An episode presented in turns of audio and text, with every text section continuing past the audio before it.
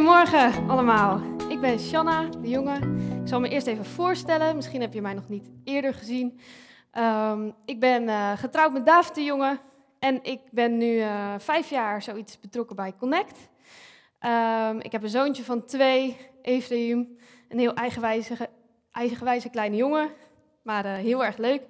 Um, ik geef op het moment les op voortgezet onderwijs. Ook heel erg leuk. En ja, ik ben uh, heel enthousiast dat ik iets mag vertellen over Jezus. Want daar ben ik heel enthousiast over. Hey, um, Oscar vroeg mij iets te gaan vertellen over uh, tevreden zijn. Ik ga afsluiten met, het, met de serie uh, over dankbaarheid. En we hebben het de afgelopen vier weken gehad over dankbaarheid. Over verschillende manieren. Kors had het vorige week over in de donkere dagen dankbaarheid. En deze week wil ik het dus hebben over tevreden zijn. Gaat ook iets verder dan alleen maar dankbaar zijn, namelijk dat je ook echt vrede ervaart. Nou, en dat was dus ook het eerste wat, uh, ja, wat mij opviel in het thema tevreden zijn. In dat woord tevreden zit het woord vrede. En daar wil ik het vandaag met jullie over hebben. Nou, jullie hebben het misschien al gezien in de aankondiging. Het gaat over laat je vrede niet stelen. En ik denk namelijk dat die vrede die is al beschikbaar voor iedereen. Voor jou, voor mij. En we mogen die vrede dus al hebben. Alleen laten we die dus soms stelen. Nou, en uh, ik wil uh, om te beginnen met jullie een Bijbeltekst gaan lezen uit Filippenzen 4, vers 6 en 7. Lees mee in je eigen Bijbel of op het scherm. Ik lees hem uit de Bijbel in gewone taal. Maak je geen zorgen, maar vraag God alles wat je nodig hebt. Bid tot God, wat er ook gebeurt. En dank Hem altijd. Dan zal God zijn vrede aan jullie geven. Dat is een vrede die geen mens ooit gekend heeft. Die alle verstand te boven gaat, staat er in de MWV. Die vrede zal jullie gevoel en jullie gedachten beschermen tegen al het kwaad. Want jullie horen bij Jezus Christus. Nou, ik vond deze tekst heel sprekend voor de vrede die God dus beschikbaar heeft voor ons. Het is een bovennatuurlijke vrede, niet zomaar, maar hij is gewoon bovennatuurlijk, die ons verstand te boven gaat. En die vrede mogen wij dus ervaren. Nou, en dan wil ik dus kijken met jullie van, hey, wat staat er in die tekst? Hoe kunnen wij dus die vrede ervaren? En dus ook, hoe kun je die vrede soms niet ervaren? Um, even een slokje tussendoor. Ik uh, las laatst een boekje over monniken en dat boekje, in dat boekje beschreef een monnik over uh, dat hij dat zijn vrede kon laten stelen. Namelijk, we zijn niet altijd tevreden met de situatie waar we zitten. We hebben soms het gevoel van, ja, maar uh, kan ik niet beter dat hebben, want dan gaat het misschien beter in mijn leven. Of als je het moeilijk hebt, dan ja, ben je niet altijd in vrede. En ik denk dus dat God ons die vrede wil geven in wat voor situatie we ook zitten. Het is een bovennatuurlijke vrede. En uit die tekst haal ik dus drie verschillende punten, die ik dus ook herken in mijn eigen leven. En die drie punten, aan de hand daarvan gaan we dus ook uh, verder in op het thema vrede. En die drie thema's, die zie je ook als het goed is op het scherm, is namelijk vertrouwen. Maak je geen zorgen, maar vraag God alles wat je nodig hebt. Vertrouw je God dat Hij weet wat jij nodig hebt. Daar gaan we straks verder op in. Um, gebed, bid tot God wat er ook gebeurt. En drie, dankbaarheid. Dank Hem altijd. En dan zal dus die bovennatuurlijke vrede nou, beschikbaar zijn. Um, die drie punten gaan we zo bespreken aan de hand van een verhaal uit Numeri. Ik kwam dat tegen in het Oude Testament. Ik was aan het lezen over het volk van Israël, die dus uit de slavernij uit Egypte was uh, bevrijd door God. En ze waren in de woestijn. Nummer 11, vers 4 tot 6. Lees even mee op het scherm of in je Bijbel. Vers 4. Het samenraapsel van vreemdelingen dat met hem meetrok was onverzadigbaar. En ook de Israëlieten begonnen weer te klagen. Hadden we maar vlees te eten, zeiden ze. We verlangen terug naar de vis die we in Egypte volop te eten hadden. Naar de komkommers en watermeloenen, de prei, de uien en knoflook. We drogen uit, we zien nooit iets anders dan dat manna. Dan gaan we even een stukje verder. Ik zou het helemaal willen lezen, maar ik raad je aan dat nog zelf te doen. Maar anders gaat het heel veel tijd kosten. Dus we gaan even verder naar vers 18. Dan zegt God tegen, Israël, tegen Mozes: Tegen het volk moet je zeggen: Zorg ervoor dat u morgen rein bent. Dan krijgt u vlees te eten. U hebt immers bij de Heer geklaagd dat u geen vlees hebt en dat u het in Egypte zo goed had. Welnu, de Heer zal u vlees geven en vlees eten zult u. Niet zomaar één dag, niet twee dagen, niet vijf, tien of twintig dagen, maar een volle maand, totdat u de neus uitkomt en u er misselijk van wordt. Want u hebt de Heer die in uw midden is geminacht, door erover te klagen dat u uit Egypte bent weggegaan. Gaan we even verder naar nummer 11, vers 31, een beetje aan het einde van datzelfde hoofdstuk. En toen liet de Heer een wind opsteken die vanaf de zee kwartels aanvoerde en ze boven het kamp liet neervallen. Ze lagen overal rond het kamp, tot op een afstand van een dagreis, in een laag van wel twee el dik. Het volk raapte de kwartels op en was daar de hele dag en de hele nacht mee bezig. En ook de hele volgende dag. Niemand verzamelde minder dan tien ezelslasten. Ze legden ze overal rond het kamp te drogen. Maar ze hadden het vlees nog niet fijn gekoud, of de Heer ontstak in woede tegen het volk en bracht het een grote slag toe. Die plaats kreeg de naam Kibrot Hatawa, naar het onverzadigbare volk dat daar begraven werd. Nou, best wel een, heftige, ja, een heftig hoofdstuk en ook heftig wat er, wat er dus gebeurt. Het volk klaagt omdat ze de manna ontvangen van God, maar ze hebben, ze hebben zin in vlees. En um, nou, als eerste denk je dan misschien van, maar is, mogen we dan niet klagen? Is dat waarom God zo boos wordt? Nou, ik denk dat klagen gebeurt heel veel in de Bijbel. Je ziet David die klaagt, maar je hebt ook de klaagliederen. Die zijn, er is gewoon een heel hoofdstuk over opgenomen. Klagen is niet, denk ik, iets wat verkeerd is, maar het is de vraag, eer jij nog steeds God, ondanks dat je het moeilijk vindt? En praat je er met God over, dat je soms moeite hebt met dingen? Nou, gaan we het verder over hebben, want ik denk dus dat het hem zit in vertrouw jij nog God? Ook al zit je in een, ja, in een situatie waar je het misschien niet mee eens bent. Ben jij nog steeds God aan het vertrouwen? En daar gaat dus ook het eerste punt over. Maak je geen zorgen, maar vraag God alles wat je nodig hebt. Wat heb je dan nodig? Gaan we verder met één dus, vertrouwen. Als je meeschrijft kun je dat nu even opschrijven. Vraag God alles wat je nodig hebt. Wat heb je dan nodig? Nou, ik denk dat dat een vraag is die we ons allemaal wel eens afstellen. Van, ja, is wat, wat heb je eigenlijk nodig en wat is goed voor je? En uh, onze maatschappij, reclames, zeggen, die ene nieuwe auto, die heb je nodig en dan voel je je heel gelukkig. Je ziet namelijk ook mensen die dan heel blij zijn en in die auto rijden. En dan denk je, oeh, dat, dat spreekt wel aan, dat wil ik misschien ook wel. Of uh, die postcode loterij, met als je die, dat wint, dan heb je het grote geld. En dan, daar word je echt blij van. Of uh, voor de tieners, die nieuwste, ik had het eventjes nagevraagd, de nieuwste Jordans of uh, de Parajumper, of Parajumper, ik spreek het waarschijnlijk verkeerd uit, maar in ieder geval het nieuwste kledingstuk waar je dan voor spaart. Van, als je dat hebt, dan ben je blij. Voor kinderen, de, die nieuwste LOL-set, ja, heb ik ook gehoord. Maar, maar je weet het zelf al van, oh, er is iets waar ik voor spaar. Is dat dan verkeerd? Mag ik niet ergens voor sparen? Nee, daar gaat het niet om. Het gaat erom, als ik dat niet heb, ben ik dan in onvrede? Ben ik dan ontevreden over dat ik dat niet heb? Ik denk dat we heel vaak ons toch stiekem ontevreden worden over dat wat er dan niet is, omdat we verlangen naar iets wat er wel is, wat we wel willen. Nou, en ik denk dus dat onze wereld, onze maatschappij vertelt ons heel vaak dat je tekort hebt. Dat je iets nodig hebt en dat je dan gelukkig bent. Maar terwijl die vrede, die heeft God dus gewoon voor ons beschikbaar. Alleen we laten hem stelen door het gevoel van, maar ik heb dat eigenlijk nog niet. Nou, ik denk dus als je dat hebt, zoals de Israëlieten ook dat vlees kregen, dan is er dus een punt, ben je dan tevreden? Ben je dan in vrede? Of komt eigenlijk de volgende wens alweer op? wil je eigenlijk alweer het nieuwste of het volgende. En uh, nou, als we dan kijken naar het volk van Israël, dan beginnen ze dus niet alleen te klagen, maar ze gaan ook terugkijken naar Egypte. Naar toen we daar waren in slavernij, toen hadden we nog komkommers en uien en preien. Ze gaan eigenlijk hun verleden helemaal anders in hun hoofd halen, namelijk dat was eigenlijk wel een hele fijne situatie. Ze eren God niet meer dat hij hun bevrijd heeft uit Egypte. Dus er is iets, een stukje weg van het vertrouwen in God, dat ze hem eren, maar ook dat ze vertrouwen dat de toekomst die hij hen heeft, wat in het beloofde land is, dat die wel heel erg mooi is. Ze zijn dat een beetje kwijt.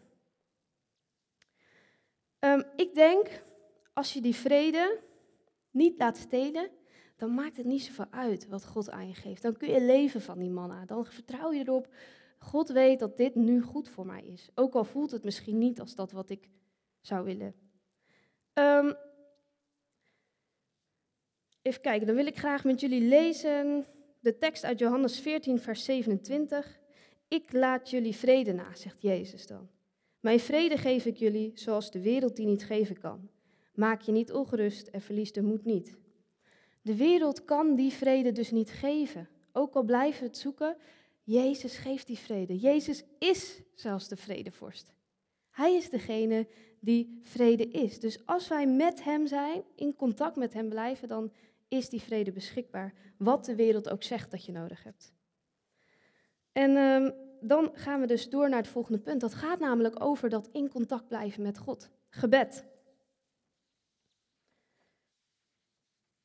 Bid tot God wat er ook gebeurt. Het volk van God vertrouwde dus eigenlijk niet meer op God over de toekomst, maar ze hadden ook geen verbinding meer met God.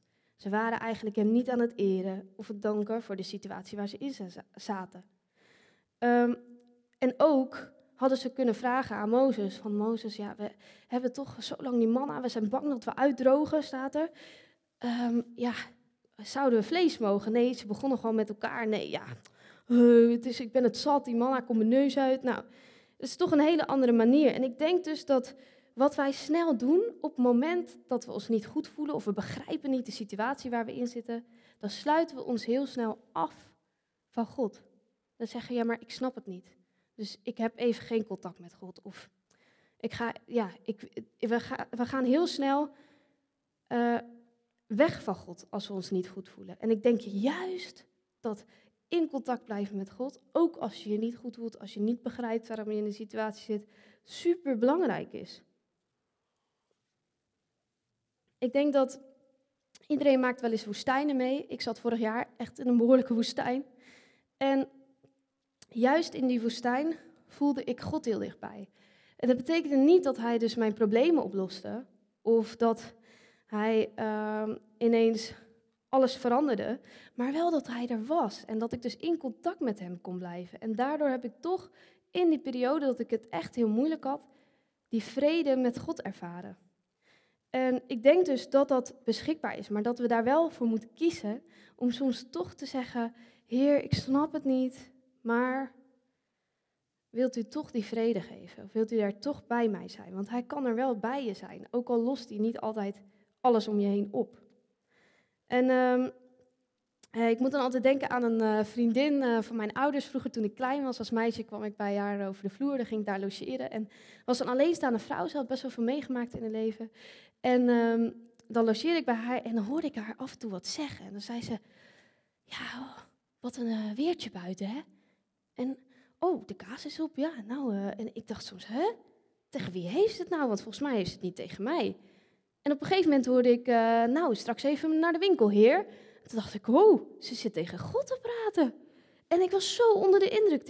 Ik, dacht, wow, wat cool eigenlijk. Zij praat gewoon met God alsof, het gewoon, uh, alsof hij hier bij ons aan de keukentafel zit. En ik dacht, wauw, zo'n vriend wil ik ook. Die gewoon met je meegaat over naartoe waar ik gewoon mee praat.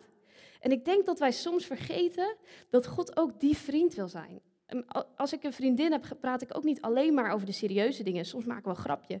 Of hebben we het over ja, niet heel belangrijke dingen. En ik denk met God kun je soms ook, mag je ook het gevoel hebben van hij is ook gewoon een vriend. Hij gaat met me mee. En ik zeg soms dingen tegen hem ja, die niet per se relevant zijn. Maar daarbij bouw je je relatie met God. En dat is denk ik iets dat als je in contact blijft met God, dan laat je dus die vrede niet steden. Dan blijf je in vrede, wat er dus ook om je heen gebeurt. Gaan we naar het laatste punt. Dankbaarheid. Het volk van God kreeg dus vlees. Ze kregen vlees. En niet een beetje, heel erg veel. Waren ze dankbaar? Gingen ze God eren? Dank u, Heer, u heeft ons vlees gegeven. We wilden dat zo graag. En uh, we doen rondedansen. Nee, eigenlijk niet. Wat ze gingen doen is zo snel mogelijk, zoveel mogelijk verzamelen. En niet alleen dat, Eventjes om je voor te stellen. Er lag één L, dat is ongeveer zo hoog, aan kwartels. 100 kilometer lang, dat is van hier naar Düsseldorf. Heb ik even bekeken. Dus van hier naar Duitsland. Zoveel lag er, één L hoog. En ze dachten niet, oh Heer, dank u, er is genoeg voor de komende maanden. Nee, ze gingen het zo veel mogelijk verzamelen, want ze hadden toch het gevoel van, ja, misschien dat het straks wel weg is. En ehm, ze waren dag en nacht bezig met alles verzamelen en niemand verzamelde minder dan 10 ezelslasten. Nou, heb ik ook even bekeken, hoeveel is dat dan? Dat is 4000 liter. Dus dat is een heel zwembad vol met kwartels. Gingen zij verzamelen in die dag en nacht, omdat ze dus het gevoel hadden van, oh, de kwartels zijn er, God heeft ons dit gegeven. En er kwam eigenlijk een soort van kramp. Van, oh, nu is het er, we moeten het nu verzamelen. Het doet me eigenlijk denken aan hamsteren, kwartels, alles verzamelen. En wat gebeurde er vorig jaar bij ons toen wij het gevoel hadden van misschien is er straks wel tekort? Wij gingen met z'n allen hamsteren. In de coronatijd, toen we dachten, oh, maar iedereen heeft het nodig, misschien is er straks wel niet meer voor mij. En er was eigenlijk een angst voor tekort. En die angst voor tekort, die houdt ons heel vaak bezig. Het heeft te maken met je zorgen maken. Eigenlijk dus ook weer terug naar dat vertrouwen. Vertrouw je echt God dat Hij weet wat goed voor je is, maar ook een gevoel van tekort wat ervoor zorgt dat dankbaarheid dan heel moeilijk is. Want ben je dan nog dankbaar voor dat wat je hebt? Of ben je alleen maar bezig met, is er wel genoeg? En ik denk dus dat als je daarmee bezig bent, dan leidt het dus af van wat God wel aan het doen is. Je ziet eigenlijk niet meer dat al die kwartels die je hebt, dat dat genoeg is. En dat we ook God niet meer eren als we bezig zijn met alles verzamelen. Um, nou, een ervaring van mijzelf daarin. Ik ben niet zo goed namelijk eigenlijk in, uh, in uh, me niet zorgen maken. Ik maak me best wel snel zorgen. En uh, ik ben ook iemand die graag dan de controle houdt en uh, niet zo goed aan God, niet, liever niet aan God uit handen geeft. En dat is wel iets wat ik dus ook in mijn eigen leven echt tegenkwam en tegenaan liep. Dat ik liet eigenlijk mijn vrede stelen al voordat er iets was. Ik ging me namelijk al zorgen maken over iets wat nog niet gebeurd was. Waardoor ik eigenlijk daar al geen vrede meer over had. Terwijl die vrede gewoon beschikbaar was en ik niet eens weet hoe de toekomst verloopt. En dat heeft dus te maken met die vrede. En uh, in mijn eigen leven had ik op een gegeven moment dat ik heel erg me zorgen maakte om de gezondheid van mijn zoontje. En dat was ook een reële zorg, maar ik hield hem heel erg vast, die zorg. Ik maakte me daar heel vaak zorgen over, ik praatte er met iedereen over. En op een gegeven moment dacht ik, Heer, hij is van u. En ik ben letterlijk op in mijn slaapkamer op mijn knieën gegaan, omdat ik dacht, Heer, ik kan dit niet alleen dragen. Ik heb u nodig. En op het moment dat ik hem overgaf aan God, ervoerde ik ook echt een dankbaarheid. En een vrede, maar ook echt een dankbaarheid van Heer, dank u dat u God bent. En vanuit daaruit begon ik ook God te eren dat u voor mijn zoontje zorgt, dat ik niet de enige ben die daar verantwoordelijk voor is, maar dat ik dan mag delen dat u er bent. En ik denk dat die dankbaarheid, die, ja, die, die overstelt bij mij echt. En ik denk dus op het moment dat jij je zorgen deelt en bij God neerlegt, betekent niet dat je je geen zorgen mag maken, maar wel dat je ze bij God mag leggen en het aan Hem mag geven. En dat Hij dan met jou dat kan dragen. Ik denk dus dat die vrede, die overstijgt dus in wat voor situatie je ook zit. Dus ook al maak je zorgen of ben je bang dat er iets gaat gebeuren, laat die vrede dan ook niet stelen. Ehm, nou, dat waren de drie punten die ik wilde bespreken. De laatste was dus dankbaarheid slash zorgen maken. En ik denk dus ook dat voor jou, voor jou thuis, voor de mensen hier, op het moment waar je ook naartoe gaat, waar we ook vandaan komen, God is hier en die vrede is dus beschikbaar. De vraag is, laat jij hem stelen? Door die drie punten, misschien herken je er iets van voor jezelf. Denk daar dan eens over na. Van hé, hey, hoe kan ik die vrede weer ontvangen en hem niet laten stelen door die drie dingen? Als laatste eventjes een verhaaltje wat het nog helderder maakt. Er was dus een koning en die liet heel veel schilders liet die, uh, schilderij maken over vrede. En twee schilderijen kwamen daar uit als een keuze van welke is het mooist. Nou, het ene schilderij was met hele mooie rotsen en een, uh, heel mooie blauwe lucht en een mooi, mooi meer. Echt heel sereen. Het was een heel mooi schilderij gemaakt en iedereen dacht, wauw, dat is vrede. Mooie, heldere, kabbelend beekje.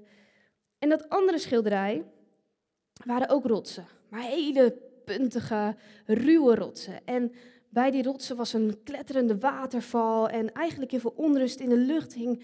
Eigenlijk onheilspellende lucht met, met donder en onweer. En het was eigenlijk heel veel chaos. Maar toen de koning beter keek, zag hij in een spleet zag hij groen.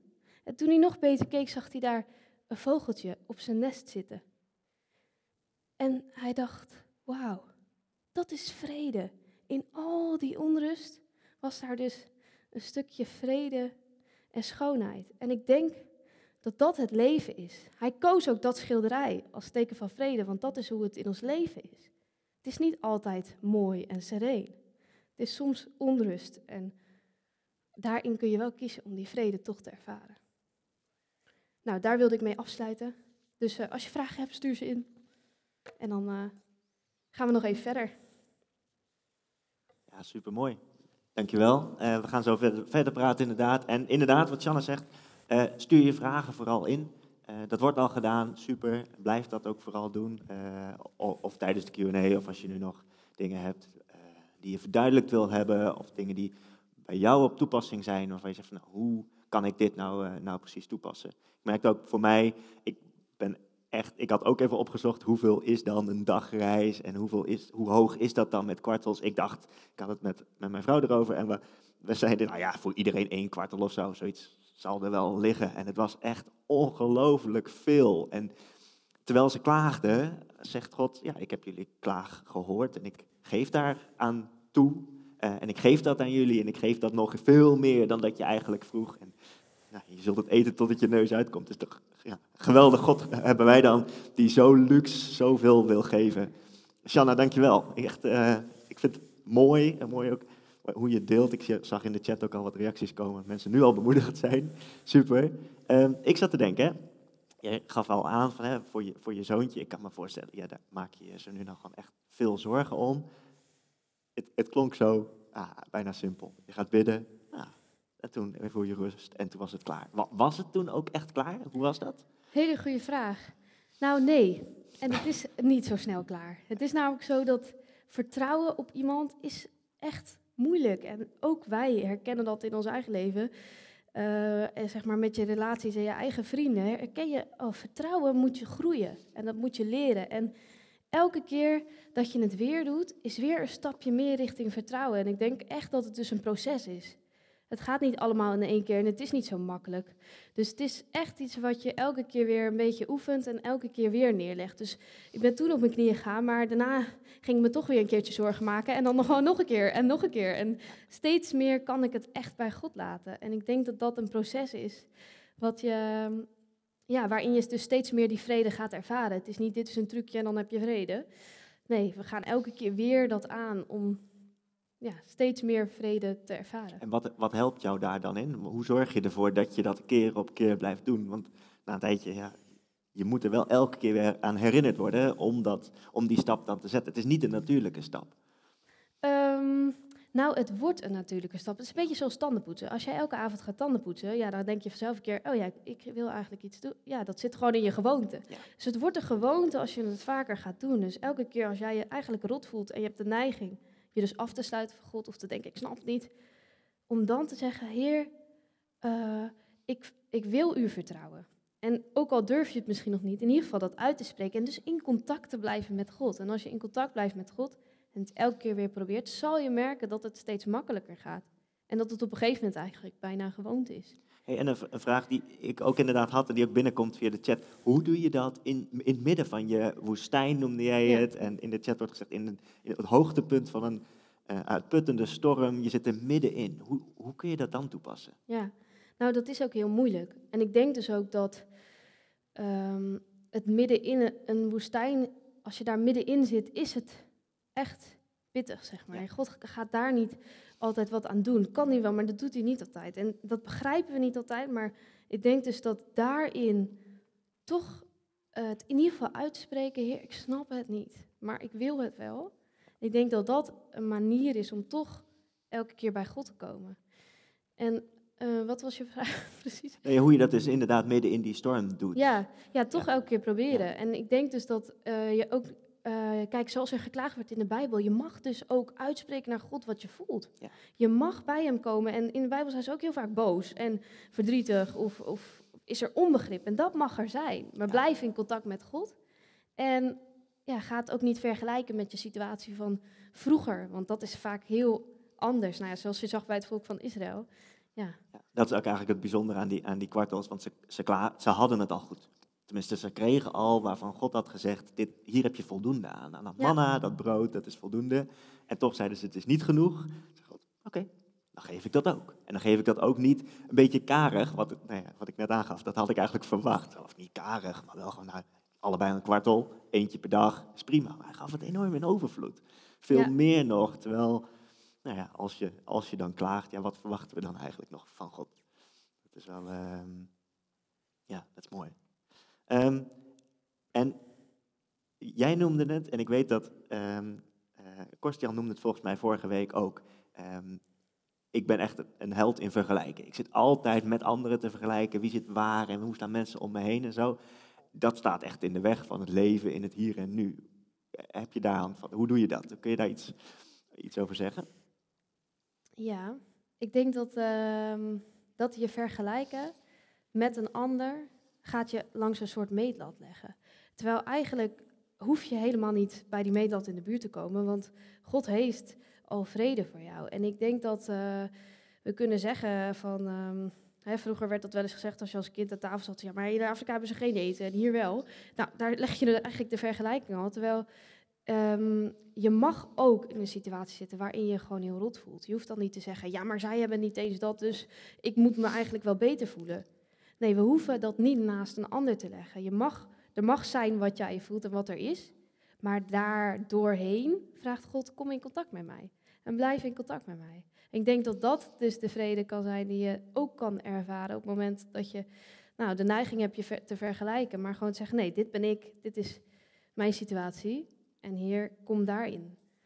Dus het niet te vergelijken horizontaal met de mensen om ons heen, maar te vergelijken met wat God voor ogen heeft en wat hij. eh, Ja, daar ook op te vertrouwen van wat hij voor jou heeft. En soms ook te denken, eh, ik moet denken aan dat ik, eh, ik heb vroeger een ziekte gehad eh, als kind. En ik dacht altijd van, ja, maar heer, als u me dan beter maakt, dan... Ik snapte niet dat hij me niet genas. En als u me dan beter maakt, dan kan ik wel Dan pas. dingen ja. doen van dan. Ja. Maar daar gaat het niet om, want ik was nu daar. En uiteindelijk zie ik nu pas dat ik daardoor zo eh, gevormd ben, dat God mij zoveel geleerd heeft daardoorheen, dat ik er nu zelfs dankbaar voor kan zijn. Maar op dat moment snapte ik dat echt niet en was ik echt boos. Maar daarin heeft God me wel echt meegenomen. En dan komt die dankbaarheid achteraf wel, maar in dat moment is het, eh, is het een stuk Ja, lastiger. Is dat lastig? Is het echt ja, een maar dan mocht er ja. wel zijn wat er was. Ja. En God was daar wel bij. Ja, ja, ja. Hey, een vraag die op de chat binnenkomt. Hoe kan ik nou dankbaarheid blijven voelen en uiten in een tijd waarin soms alles vanzelfsprekend voelt? Zelfs het evangelie. Dus als dingen juist van, vanzelf lijken te gaan, hoe kan ik dan die dankbaarheid blijven voelen? Goeie vraag. Ik denk dus als het een gewoonte wordt, net zoals Anne Ja. om dus te uiten naar God van, eh, Heer, eh, dank u voor dat waar ik ben. Je, je zal ergens ook voelen in als dingen goed gaan, oh bedankt. Als iemand jou een bloemetje geeft, zeg je, oh bedankt. En zo mag je dus ook zien dat dat de situatie waar je dan in zit, die dus heel mooi is, dat je dus daarin ook mag zeggen, nou Heer, bedankt dat ik deze persoon heb hier. En bedankt dat ik ja, dat je ook daar wat meer ehm, nou, gewoonte van maakt. Hè. Daar had Kors het eigenlijk vorige week ook over. Dat je misschien een briefje maakt met allemaal dingen opschrijven. Ja. Maar ja, wat jouw manier ook is, dat je eigenlijk gaat zien wat er wel is. En het dus ook Dus- echt concreet benoemen van oké, ik ben daar ook echt dankbaar voor. Nou, en ook God eren. Want als je gaat, God gaat eren, komt die dankbaarheid ook. Gewoon, Heer, dank u voor wie u bent. Ja. Dat is al een vorm van dankbaarheid die dus steeds groter mag worden en groeien. Het doet me ook denken aan ehm, de, de, volgens mij noemde Marjolie dat een paar weken geleden ook, elke, elke dag gewoon één ding. Gewoon één ding noemen en dan Ja. na een tijdje wordt het vanzelf een uitdaging om weer iets, iets te bedenken van oké, waar ben ik nog meer dankbaar voor? Ja. En dat Ja. kan soms groot, soms klein zijn, maar daardoor groeit die dankbaarheid natuurlijk ook. Ja, Ja. zeker. Nu de komende tijd gaan we met February Fast ook bezig en dan nou, hebben we gelukkig ook een paar handvatten gegeven, dus dan hebben we ook wat punten om concreet voor te danken. Dat helpt denk ik ook om te uiten naar elkaar en te benoemen. Ja, zeker. Ja, cool. we leven in een wereld waar we het eigenlijk vaak eh, makkelijk hebben. Of in ieder geval veel ehm, gewoon gebeurt. We hebben gewoon werk, we hebben huis. We kunnen eigenlijk we kunnen elke dag danken, Heer, dank u voor de dak boven ons hoofd. Ja. Maar we hebben een dak boven Dat ons hoofd. echt luxe. Je mag Ja. dat echt wel af en toe beseffen van wauw, dat is Ja. toch vet cool. Dat God ons gewoon zoveel geeft. Dat er is genoeg te bedenken, ja. Mooi. Een andere vraag die binnenkomt. Ja. Ehm, even kijken. Ehm, hoe ploeter je jezelf dan boven een aanval van ongerustheid, ongerustheid uit? Is dat alleen een keuze? Hoe, hoe kom je daar dan boven?